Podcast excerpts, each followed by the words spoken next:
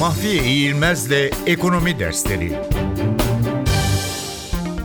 Cari açık sorununun çözümü Yapısal sorunlarımız içinde önde gelenlerinden birisi olan cari açık sorununun büyüme oranını düşürmeden çözümlenebilmesi için bu açığa neden olan ithal ürünlerinin Türkiye'de üretilmesi gerekiyor.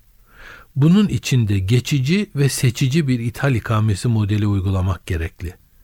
Geçici ve seçici ithal ikamesi sözüyle kastettiğimiz konu buradaki imkanlarla üretilebilecek olan ürünlerin daha ucuz olduğu için dışarıdan ithal edilmesini önleme girişimidir. Türkiye yıllardan beri çeşitli teşvikleri gerek sektörel, gerek ürün bazında ve gerekse bölgesel olarak yapıyor. Ne var ki bu teşvikler bir türlü cari açığı düşürecek bir ithal ikamesini sağlamaya yönelemiyor.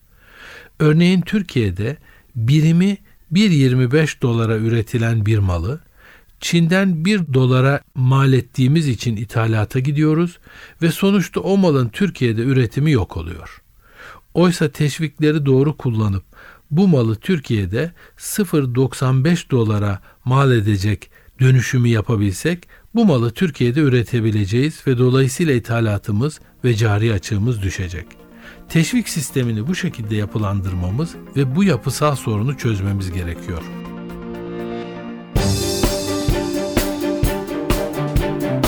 Mahfiye İğilmez'le Ekonomi Dersleri